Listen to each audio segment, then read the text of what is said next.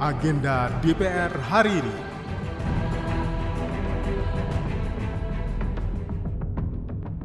Halo, apa kabar? Kembali lagi di Agenda Kerja Wakil Rakyat hari ini, Selasa 1 Agustus 2023 bersama saya Tiara Mustika.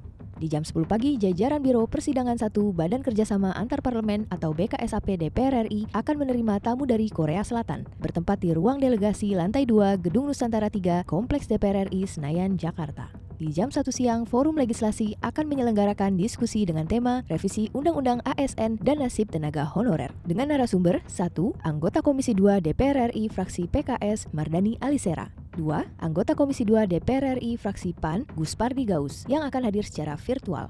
3. Asisten Deputi Perancangan Jabatan, Perencanaan, dan Pengadaan SDM Aparatur Kementerian PAN-RB Aba Subakja dengan moderator Martahan Sohu Turon, jurnalis anggota Koordinatoriat Wartawan Parlemen atau KWP. Saksikan acara ini yang disiarkan secara live di channel-channel media sosial TVR Parlemen. Acara terakhir di jam setengah tiga siang, standby kick-off meeting panitia AIPA bersama Sekretaris Jenderal DPR RI. Sebentar lagi, kita akan menyambut sidang umum ASEAN Interparliamentary Assembly atau AIPA yang ke-44 yang akan dilakukan di Jakarta. Dalam rangkaian sidang AIPA ini, ada WAIPA atau Women Parliamentary of AIPA yang mendorong parlemen seluruh negara di Asia Tenggara untuk responsif gender atau mengoptimalkan kebijakan yang memperhatikan kesenjangan partisipasi dan akses antara perempuan dan laki-laki.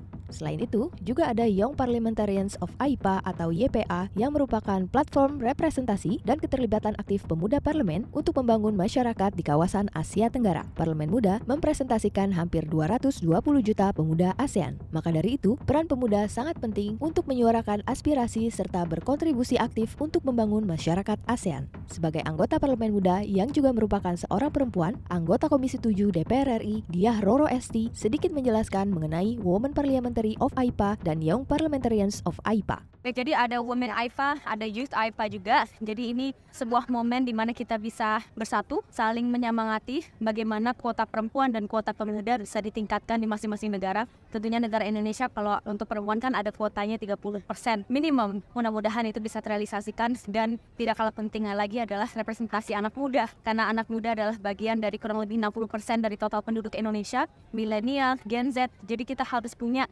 representatif anak muda di parlemen. Ayolah kita bekerja sama dan mudah-mudahan kita bisa sukses dulu.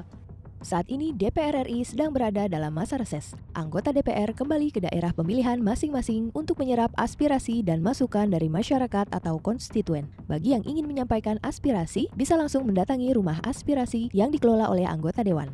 Demikian agenda DPR RI hari ini. Simak dan ikuti terus kegiatan DPR RI serta dengarkan siaran langsungnya melalui website tvr.dpr.go.id/radio. Saya Tiara Mustika, sampai jumpa. agenda DPR hari ini.